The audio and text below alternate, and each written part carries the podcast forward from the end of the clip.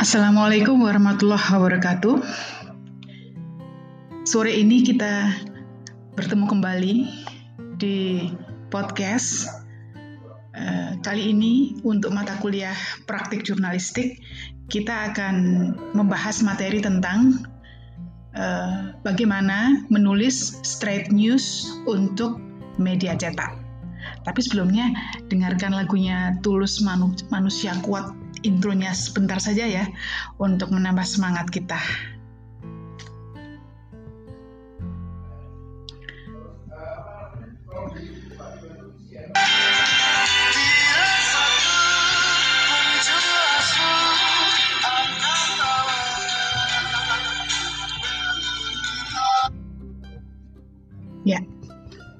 Sebentar saja untuk menyemarakkan dan membangkitkan uh, semangat kita untuk belajar meskipun kita sedang sedang belajar secara online gitu ya, secara daring. Baik, uh, sebetulnya straight news itu adalah uh, berita yang kemudian sering dan selalu kita simak, kita baca saat kita mengikuti perkembangan informasi maupun berita terbaru. Jadi hampir semua media cetak menggunakan jenis straight news untuk kemudian menyampaikan pesan, menyampaikan fakta, menyampaikan data terkait apa yang terjadi pada saat itu. Baik, sekarang akan saya coba bacakan headline Kompas hari ini masih tentang virus corona. Ya, judulnya kasus melonjak, rumah sakit rujukan ditambah. Seiring meningkatnya jumlah kasus COVID-19, pemerintah menambah kapasitas rumah sakit rujukan dan laboratorium. Peran semua pihak diharapkan guna mengatasi penyakit ini. Jakarta, Kompas. Terus bertambahnya jumlah kasus penularan COVID-19 di Indonesia membuat pemerintah mengintensifkan koordinasi untuk mengatasi penyakit yang disebabkan virus corona baru itu. Untuk mempercepat deteksi dan penanganan pasien, pemerintah menambah kapasitas rumah sakit rujukan dan laboratorium serta berencana mengadakan tes cepat. Jadi, di paragraf awal setelah lead berita, Kompas berfokus untuk mengangkat sudut pandang terkait bagaimana pemerintah menambah kapasitas rumah sakit rujukan dan laboratorium serta mengadakan tes cepat atau rapid test. Jadi fokusnya ada di menambah kapasitas rumah sakit rujukan, laboratorium, serta mengadakan tes cepat atau rapid test. Mari kemudian kita ikuti uh, paragraf selanjutnya. Juru bicara pemerintah terkait penanganan corona, Ahmad Yuryanto menuturkan sejumlah rumah sakit swasta dilibatkan untuk melayani pasien COVID-19. Contohnya, Rumah Sakit Siloam Kelapa II, Tangerang, Rumah Sakit Mitra Keluarga, Jati Asih, dan Rumah Sakit Hermina Karawang. Tiga rumah sakit ini akan didedikasikan semua kapasitas tempat tidur untuk merawat pasien COVID-19. Totalnya 300 tempat tidur, ujarnya di Jakarta, Rabu 18 Maret 2020. Jadi, setelah paragraf pertama redaksi menuliskan angle yang akan diangkat oleh koran ini oleh Kompas, maka kemudian di paragraf berikutnya redaksi menuliskan uh, konfirmasi dari juru bicara pemerintah terkait penanganan corona, yaitu Ahmad Yuryanto, yang memaparkan bahwa rumah sakit swasta juga dilibatkan untuk uh, membantu menangani kasus COVID-19 yang semakin bertambah dari hari ke hari. Dan Yuryanto menyebutkan di situ bahwa 300 tempat tidur di rumah sakit tersebut akan digunakan untuk uh, merawat pasien corona. Selain itu, di paragraf berikutnya juga masih dituliskan rincian dari nama-nama rumah sakit berikut uh, jumlah rumah sakit yang dirujuk pemerintah untuk membantu menangani pasien uh, COVID-19. Di paragraf berikutnya lagi, redaksi juga menuliskan bahwa pemerintah menambah laboratorium pemeriksaan spesimen terkait COVID-19. Tadi kan fokusnya dua. Yang pertama adalah penambahan rumah sakit, eh, sekarang dibahas laboratorium. Jadi laboratorium itu uh, adalah milik uh, Balitbangkes, Badan Penelitian dan Pengembangan Kesehatan, dan 12 laboratorium jejaring yang ditunjuk oleh pemerintah. Di situ disebutkan siapa saja, ada Kalbe Group, ada laboratorium milik RS Bunda Group, dan seterusnya. Di angle berikutnya, di atas di paragraf pertama tadi, redaksi juga menuliskan tentang eh, pemeriksaan cepat atau rapid test. Nah, dituliskan juga pemerintah berencana memanfaatkan metode tes cepat untuk pemeriksaan COVID-19.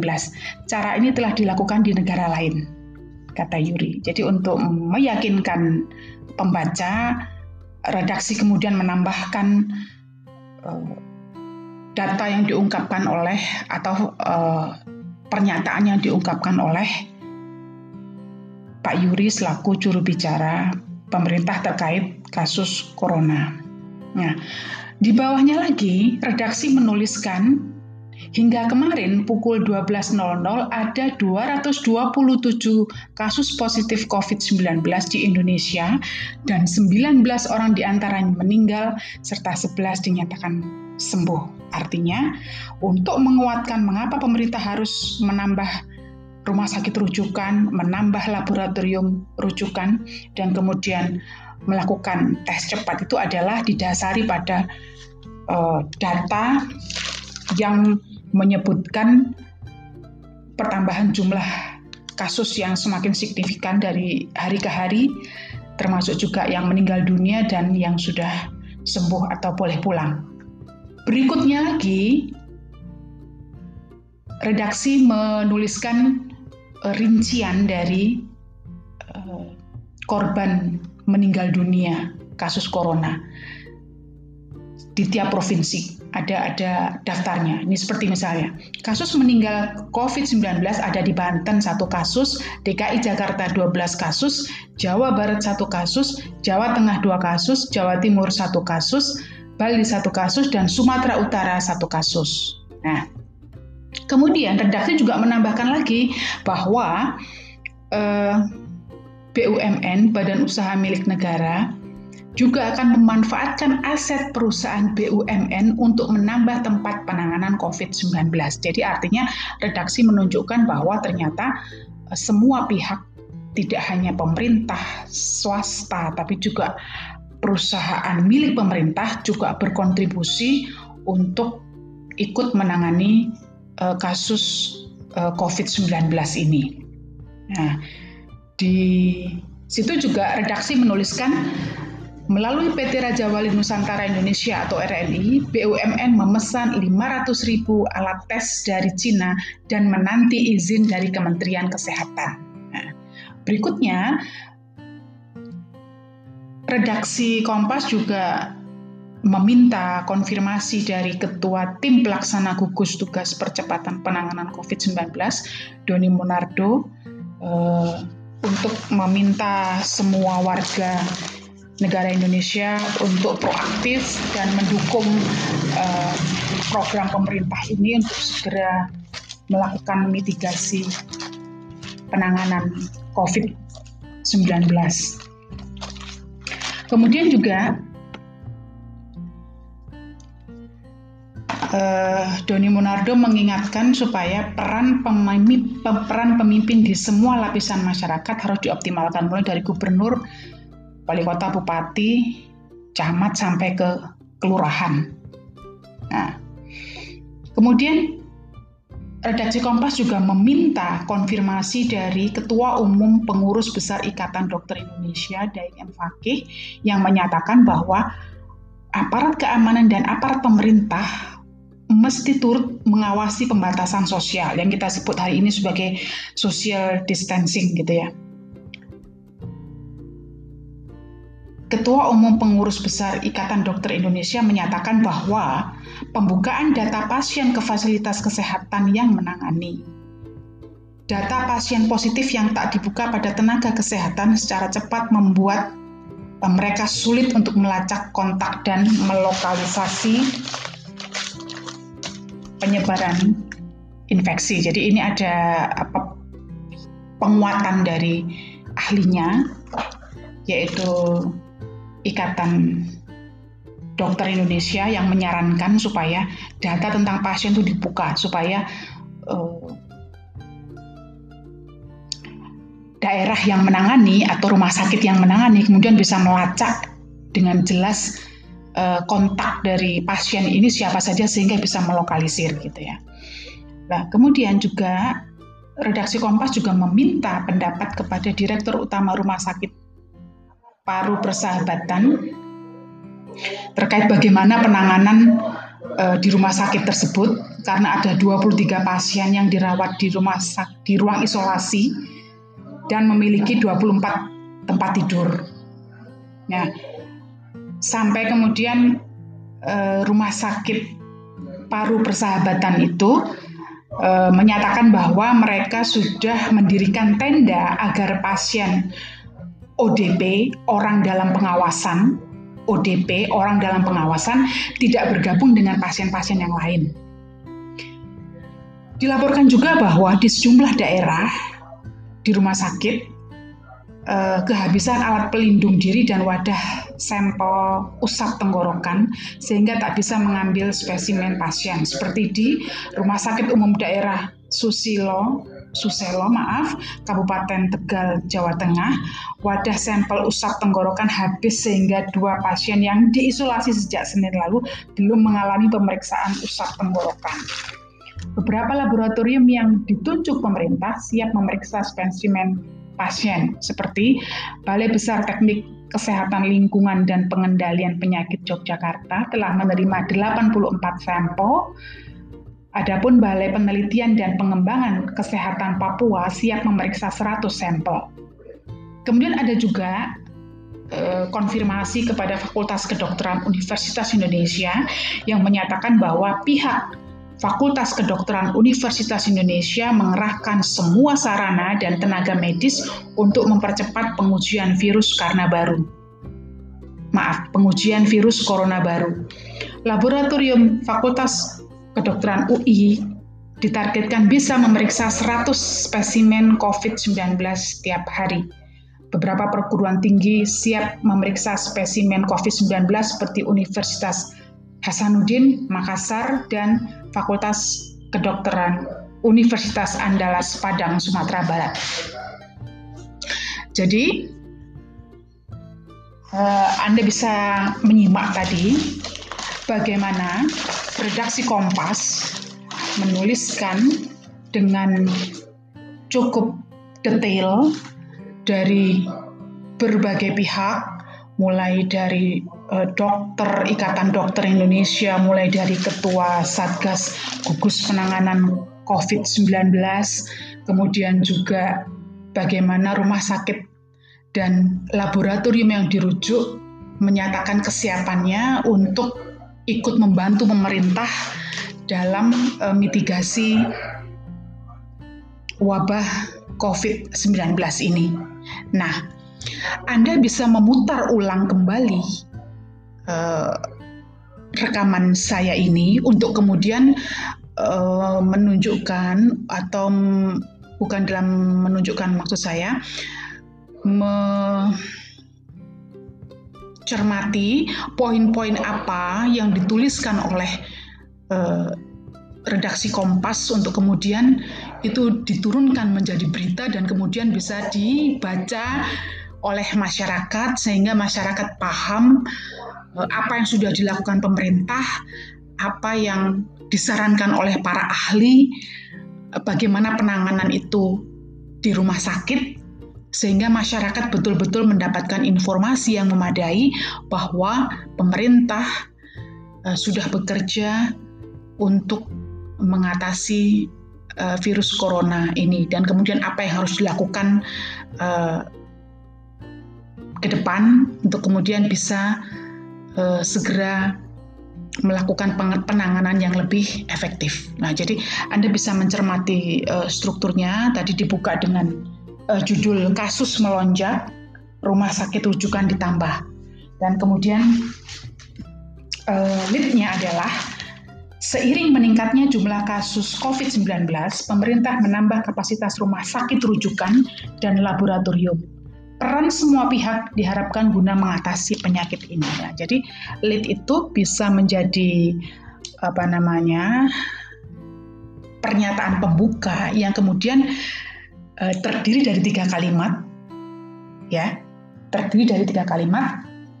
Kalimat pertama itu adalah seiring meningkatnya jumlah kasus COVID-19, pemerintah menambah kapasitas rumah sakit rujukan dan laboratorium Kemudian peran semua pihak diharapkan guna mengatasi penyakit ini. Jadi mohon maaf hanya ada dua kalimat. Kalimat pertama itu menunjukkan uh, urgensi yang harus dilakukan oleh pemerintah dan kemudian di kalimat kedua adalah semacam simpulan atau kemudian rekomendasi dari redaksi bagaimana uh, masyarakat uh, harus ikut berpartisipasi uh, mengatasi wabah COVID-19 ini. Nah, setelah ini Anda dapat merancang uh, satu tulisan yang kemudian dapat Anda uh, tulis dan Anda sunting sendiri terkait misalnya bagaimana uh, COVID-19 ini membuat pembelajaran Anda di kampus atau adik Anda di uh, sekolah itu menjadi berubah gitu ya. Orang-orang bekerja dari rumah yang memungkinkan bekerja dari rumah bekerja dari rumah. Terus kemudian yang apa namanya yang belajar itu biasanya harus datang ke sekolah tapi ternyata kita harus melakukan social distancing sampai tanggal 30 Maret 2020 nanti untuk meminimalkan kontak dan memutus mata rantai penyebaran COVID-19 ada banyak hal yang kemudian bisa Anda tuliskan dan itu saya pikir sesuatu yang menarik ya. Eh, kalaupun Anda kesulitan nanti Anda tidak tidak bisa keluar, Anda bisa melakukan wawancara melalui WhatsApp. Anda bisa melakukan wawancara melalui uh, telepon gitu misalnya atau kemudian Anda mengamati sekitar dan mewawancarai teman-teman sendiri sekitar dengan mengambil angle yang berbeda-beda gitu misalnya bagaimana dari sudut pandang ibu kos, bagaimana dari sudut pandang apa tukang sayur yang ada di uh, kompleks kos atau perumahan Anda, atau bagaimana guru dan dosen menyikapi hal semacam ini. Juga kebijakan kampus-kampus yang ada di Malang Raya menghadapi situasi yang menyebabkan kepanikan masal ini. Saya pikir akan ada banyak hal yang bisa Anda tulis dan jangan lupa uh, beri judul yang kemudian apa tetap memperhitungkan eye catching ya. Uh, orang tertarik ketika setelah membaca tulisan Anda terus kemudian beri lead secukupnya dua sampai tiga kalimat dan kemudian mulai dengan paragraf yang menunjukkan perhatian bersama bahwa uh, virus ini telah mengubah hal banyak orang. Nah, saya pikir uh, nanti perlu dilengkapi dengan wawancara beberapa uh, orang yang menurut Anda berkompeten untuk me memberi komentar dan memberi apa ya penguatan terhadap uh, masalah ini sehingga berita yang Anda tulis, straight news yang Anda tulis itu betul-betul kemudian uh, bisa kemudian jadi uh, layak untuk dibaca oleh orang lain. Gitu ya. Jadi cermati juga struktur penulisan uh, straight news untuk media cetak dan kemudian hindari atau minimalkan salah cetak dan kemudian jangan lupa prinsip 5W1H bisa diterapkan dengan lebih uh, dinamis. Jadi misalnya Anda tertarik untuk lebih mengungkap how uh, virus corona ini memengaruhi uh, cara belajar anak sekolah atau cara belajar mahasiswa atau bagaimana cara guru dan cara dosen mengajar atau kemudian orang-orang lain yang uh, terkena dampak dari uh, merebaknya virus corona yang sudah menjadi pandemi global ini. Oke, selamat mencari berita, selamat menyusun berita, selamat menyunting berita, dan kemudian Anda bisa mempublikasikan berita ini di media sosial masing-masing. Anda bisa screen capture dan kemudian Anda kirimkan ke laman uh, assignment atau nanti laman di uh, forum diskusi yang akan kita buat setelah Anda selesai menulis dan menyunting straight news. Oke, okay? selamat menikmati. Terima kasih.